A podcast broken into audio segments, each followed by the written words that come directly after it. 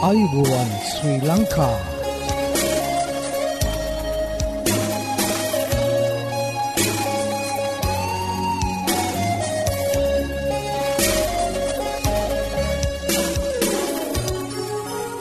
ඔබට සුපදවස මේ ඇඩවෙන්ටිස්වර් රේඩියෝ බලාපොරොත්වය හඬයි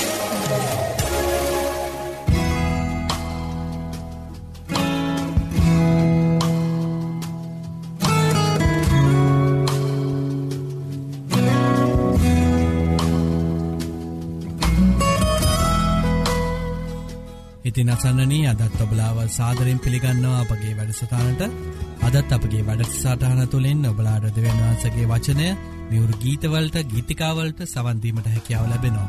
ඉතිං මතක් කරන්න කැවති මෙම වැඩසටානගෙනෙන්නේ ශ්‍රී ලංකා 7ඩ ඇඩවෙන්ටිස් කිතුුණු සභාව විසින් බව ඔබලාඩ මතක් කරන්න කැමති. ඉතිං ප්‍රැදිී සිටින්න අප සමඟ මේ බලාපොරොත්තුවය හඬයි. අද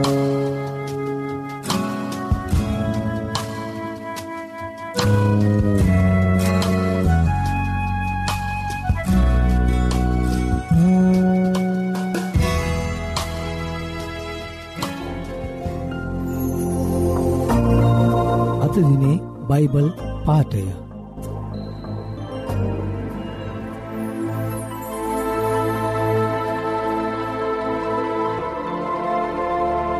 සේනාවන්ගේ දෙවි වූ ස්වාමින් වහන්ස ඔබ හා සමාන බල සම්පන්න කෙනෙක් කවරේද? ඔබ මුහුදේ උඩගුකම දමනය කරන සේක.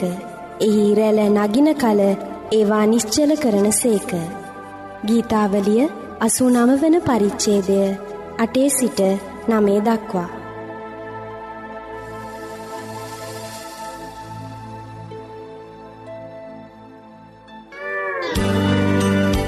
ආයුබෝවන් මේ ඇඩවෙන්ටිස් වර්ල් රේඩියෝ බලාපොරොත්වය හඬයි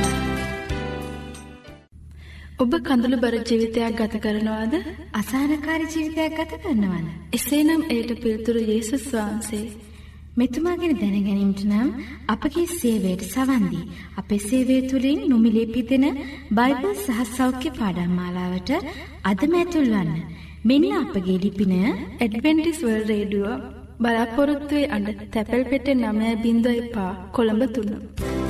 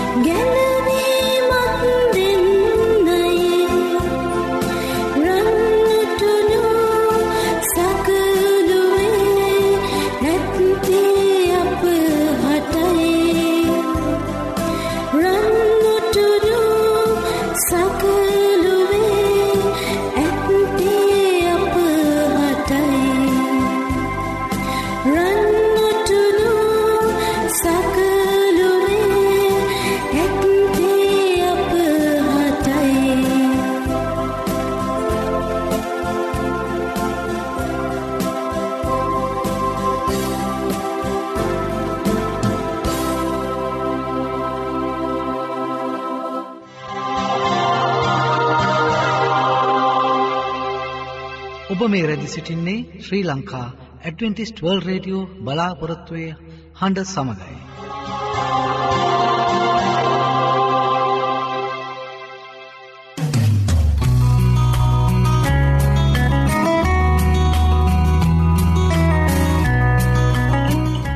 ඉතින් අසන්නනී ඔබලාට ස්තුතිවන්ත වෙනවා අපගේ මෙම මැරිසටාන් සමඟ එක්වී සිටීම ගැන ඇතින් අපි අදත් යොමුුවමු අපගේ ධර්මදේශනාව සඳහා අද ධර්මදේශනාව ඔබහටගෙනෙන්නේ විලීරීත් දේවගෙදතුමා විසින් ඉතින් ඔහුගෙනන ඒ දේවවාක්‍යයට අපි දැන්යොමු රැදි සිටින්න මේ බලාපොරොත්තුවය හඬ.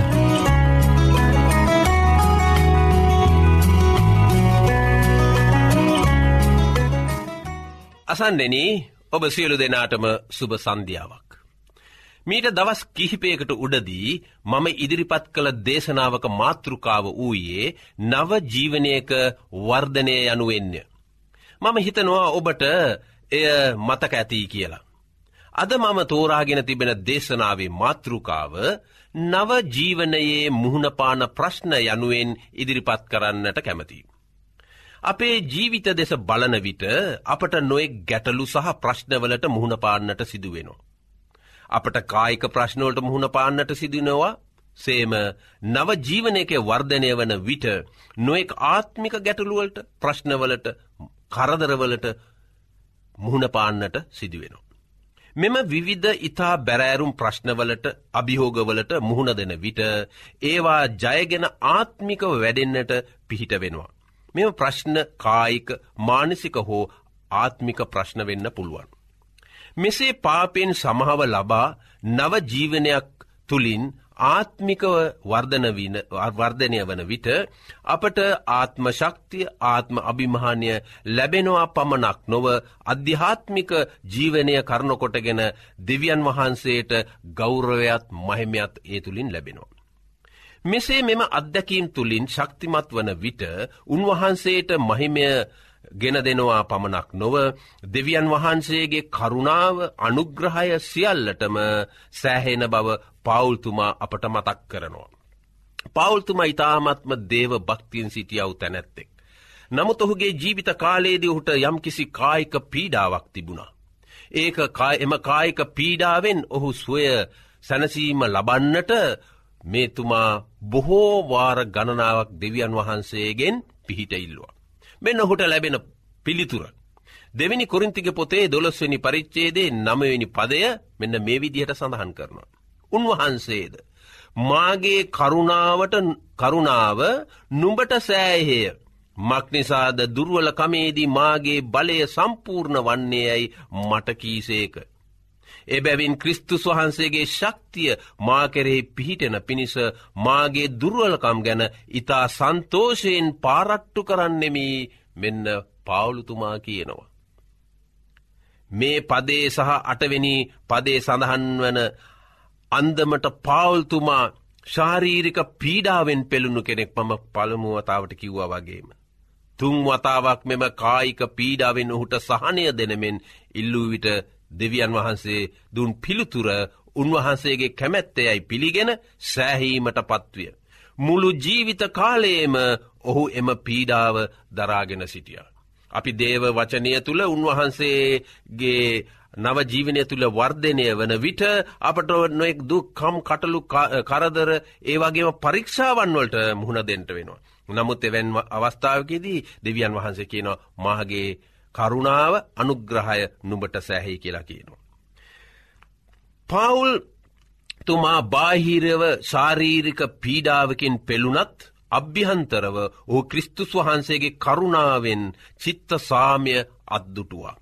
ක්‍රිස්තුස් වහන්සේ පිළිගෙන නව ජීවනයක් ආරම්භ කළ ක්‍රිස්තු භක්තිකයාට මුහුණ දෙන්නට සිදුවෙන පොදු ප්‍රශ්න නම් පරීක්ෂාවන්ට මුහුණදීම නොෙක් පීඩාවන් සැකය අධෛර්ය සහ දෙවියන් වහන්සේගේ කැමැත්ත දැනගැනීම යන මේවාය. පාපය මේ ලෝකයේ තිබෙන තාක් නොෙක් කරදරවලට ප්‍රශ්නවලට සහ ඇදහිල්ල වෙනුවෙන් නොෙක් පීඩාවලට අපට මුහුණ දෙන්නට සිදුවෙනවා ක්‍රස්තියානි බැතිමතුන් ලෙස.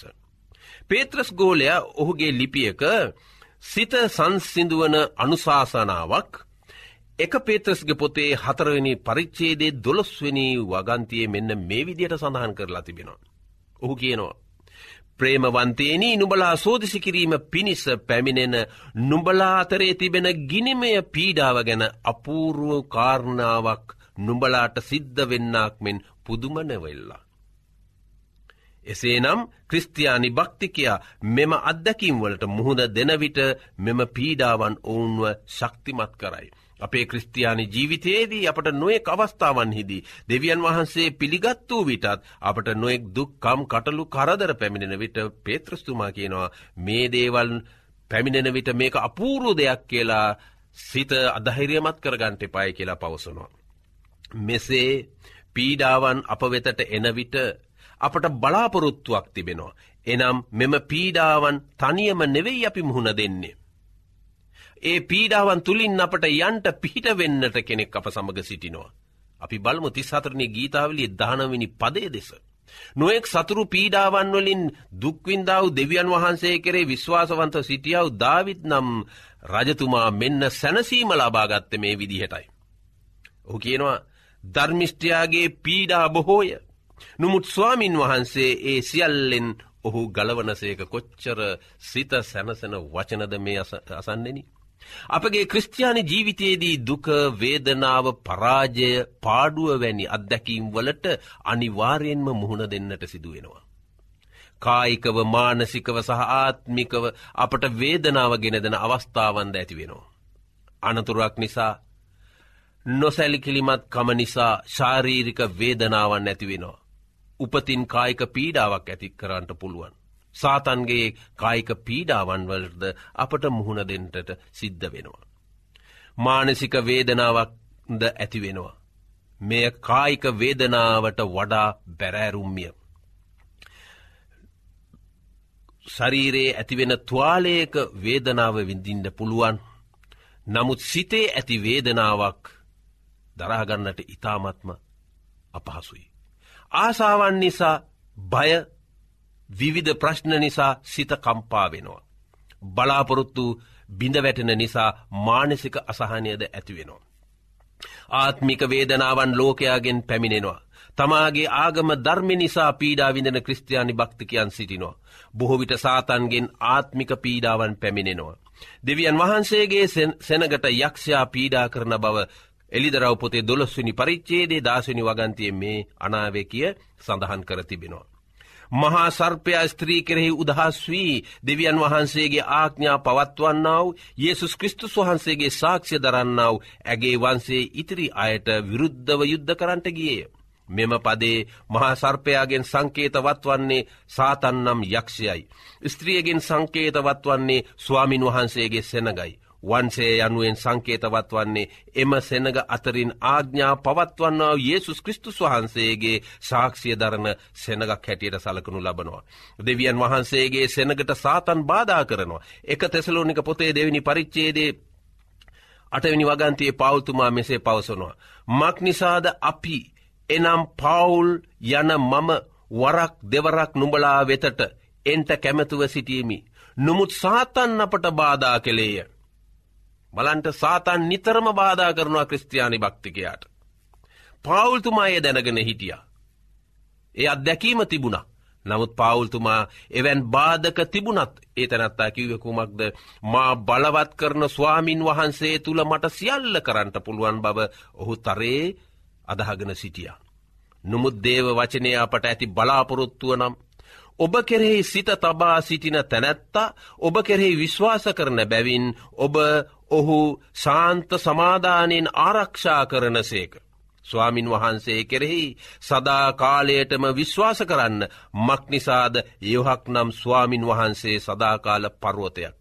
මෙය සඳහන් කර තිබෙන ඒසයාගේ පොතේ විසිහයවනි පරිච්චේදේ තුන්වෙනි සහ හතරණි වගන්තිවල. පර්ුවතයක් දෙවියන් වහන්සේ උන්වහන්සේ තුළ අපගේ ජීවිතය ගොඩනගන්නට පුළුවන්. උන්වහන්සේ තුළ ගොඩ නගන්නාව අයට හැම ආත්මික කරදරයකිදිම ගොඩ එන්නට උන්වහන්සේ බලයදී තිබෙනවා. පරීක්ෂාවන්ද ගෙනනු ලබන්නේ සාතන් විසින්ය. ධවිත් රජුද සාතන්ගේ පරීක්ෂාවකට අසුන ලේ පලවෙනි ලේකම්ගේ පොතේ විසිෙක්වනි පරිච්චේද පලවෙනි වගන්තිය මෙසේ සඳහන් කර තිබෙනවා. සාතන් ඊස්රයිල් වරුන්ට විරුද්ධව නැගිට ඔවුන් ගණන් කරන්ට ධවිත්ව පෙළඹෙව්වය ධවිත් පෙළඹවී දෙවියන් වහන්සේට අකීකරුණා. සාතන් ඒසුස් වහන්සේව පරීක්ෂාවට දමන්න උත්සහ කළේය. නමුත් ඒසුස් කෘස්තුස් වහන්සේ ඔහුට අවනත වූයේ නැහැ. උන්වහන්සේ අවනතවීම ප්‍රතික්ෂේප කලා දේව වචනයෙන් පිළිතුරුදී. යේසුස් වහන්සේව පරීක්ෂාවට පොළඹවා ගන්නට තැත් කළ සාතන් නම් ඒ මහා සර්පය උන්වහන්සේ කරේ විශ්වාසවන්තව සිටින අයව පරීක්ෂාවට දමන්නට තැත් කරනවා. පෞල්තුමා දෙවැනි කොරින්තික පොතේ එකොළොස්වනි පරිච්චේද තුන්වෙනි වගන්තියේ මෙම අනතුරු ඇඟවීම අපට දන්වා සිටිනවා සන්නෙන. නොමුත් සර්පයා තමාගේ ප්‍රයෝගයෙන් ඒව රැවැට්ටුවක් මෙන් ක්‍රිස්තුස් වහන්සේ කෙරෙහි පවතින අවංකකමෙන්ද පිරිසිදුවකමෙන්ද යම් විදිහෙකින් නුඹලා වෙන්කොට නුඹලාගේ සිත් දූෂ්‍ය කරනු ලැබෝදැයි කියා බයවෙමි. බලන්ට සාතන් නිතරමම මේ නවජීවනයක් ලබාගෙන නවජීවනය තුළ වර්ධනයවෙන් උන්වහන්සේගේ දෙවන පැමිණීම බලාපොරොත්වෙන්නාව අයගේ සිත් දූෂය කරන්නට. ස්වාමින් වහන්සේගේ වචනයෙන් ප්‍රයෝගයෙන් රවට්ටවා දෙවියන් වහන්සේගේ වචනය ඉවත දමන්නට සාතන් ක්‍රියාකරන බව පවුල්තුමා දැනගෙන කියනවා මෙවැනි දෙයක් නොවෙත්වා කිය ඔහු ප්‍රාත්ථනා කරනවා. එසේ නම් යේසුස් වහන්සේගෙන් ගැලවීම ලබාගත් ආත්මිකව නැවත උපන් උන්වහන්සේ සමඟ ධර්මිෂ්ඨකමයේ මාවතක නවන් නවජීවනයක් ගමන් කරන ක්‍රස්තියානි බැතිමතා පරීක්ෂාවට නොවැටින පිණිස. යන ස්ථාන අවස්ථාවන් යන දේවල් ගැන ඉතා පරීක්ෂාකාරිව සිටීම වැදගත්තිය. මේ පාපයට පෙළඹවන තැන් තිබෙනවා. කැසිනෝකට ගියෝත ඒක පාපෙන් පිරී තිබෙන්නේ කැසිනෝවලට යෙදෙන්න්නට ක්‍රස්තියානි භක්තිකයා පොළඹවන්නට සාතන්ට පුළුවන්. ඒවාගේම අපි ඒ රූපවාහිනිය දකින සමහර දර්ශන පොළඹුවන්නට පුළුවන් වැරද්දේ යෙදෙන්න්නට එනිසා අපි යන්නේ කොහෙද කරන්නේ කුමක්ද මොනවද ආශ්‍රය කරන්නේ කවා සමග ආශ්‍රය කරන්නේ යන හැම නපුරු දෙයක් ගැන කෙරෙහීම අපගේ සිත අවධාරණය කරගන්ට ඕනෑ. කෙසේ වෙතත් පරීක්ෂාවට නොඇටී සිටීම ඇති හොඳම මාර්ගය නම් ආත්මිකව වැඩෙන ක්‍රස්තියානි භක්තිකයෙක් වීමයි. ලෞකික තෘෂ්ණාවලින් වැලකී සිටීම. යොහන්තුමාගේ යොහන්තුමා එක යොහන්ගේ දෙවැනි පරිච්චේදේ මෙසේලියා තිබෙනවා. ලෝකයාටත් ලෝකෙහි තිබෙන දේවලටත් ප්‍රේම නොකරන්න. යමෙක් ලෝකයට ප්‍රේම කරේ නම් පියාණන් වහන්සේ කෙරෙහි ප්‍රේමය ඔහු තුළ නැත. මක්නිසාද ලෝකෙහි තිබෙන සියල්ල එනම් මාන්සවේ තෘෂ්ණාවන් ඇස්වල තෘෂ්ණාවත් ජීවිතයේ අහංකාරකමත් පියාණන් වහන්සේගෙන් නොව ලෝකයෙන් වේ. ලෝකයත් තෘෂ්ණාවත් පහවයන්නේය නොමුත් දෙවියන් වහන්සේගේ කැමැත්ත කරන්නා සදාකාලයටම පවත්වන්නේ.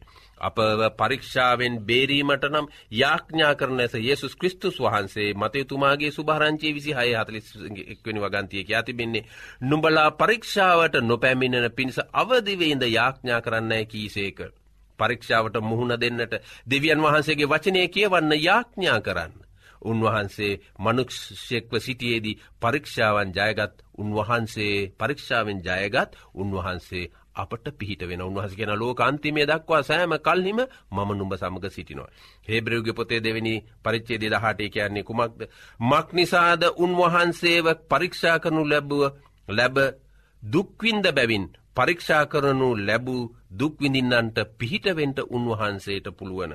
දුක වේදනාව දන්නාව පරීක්ෂාවට නොවැටනු ජියෝමාන යේසුස් කෘස්තුස් වහන්සේ සියල් ක්‍රිස්තුස් වහන්සේට ඔබගේ සියල් ඔබගේ ජීවිතය පවරා උන්වහන්සේ සමඟ ජයග්‍රහහිවි ජීවිතයක් ආරම්භ කරන්නට.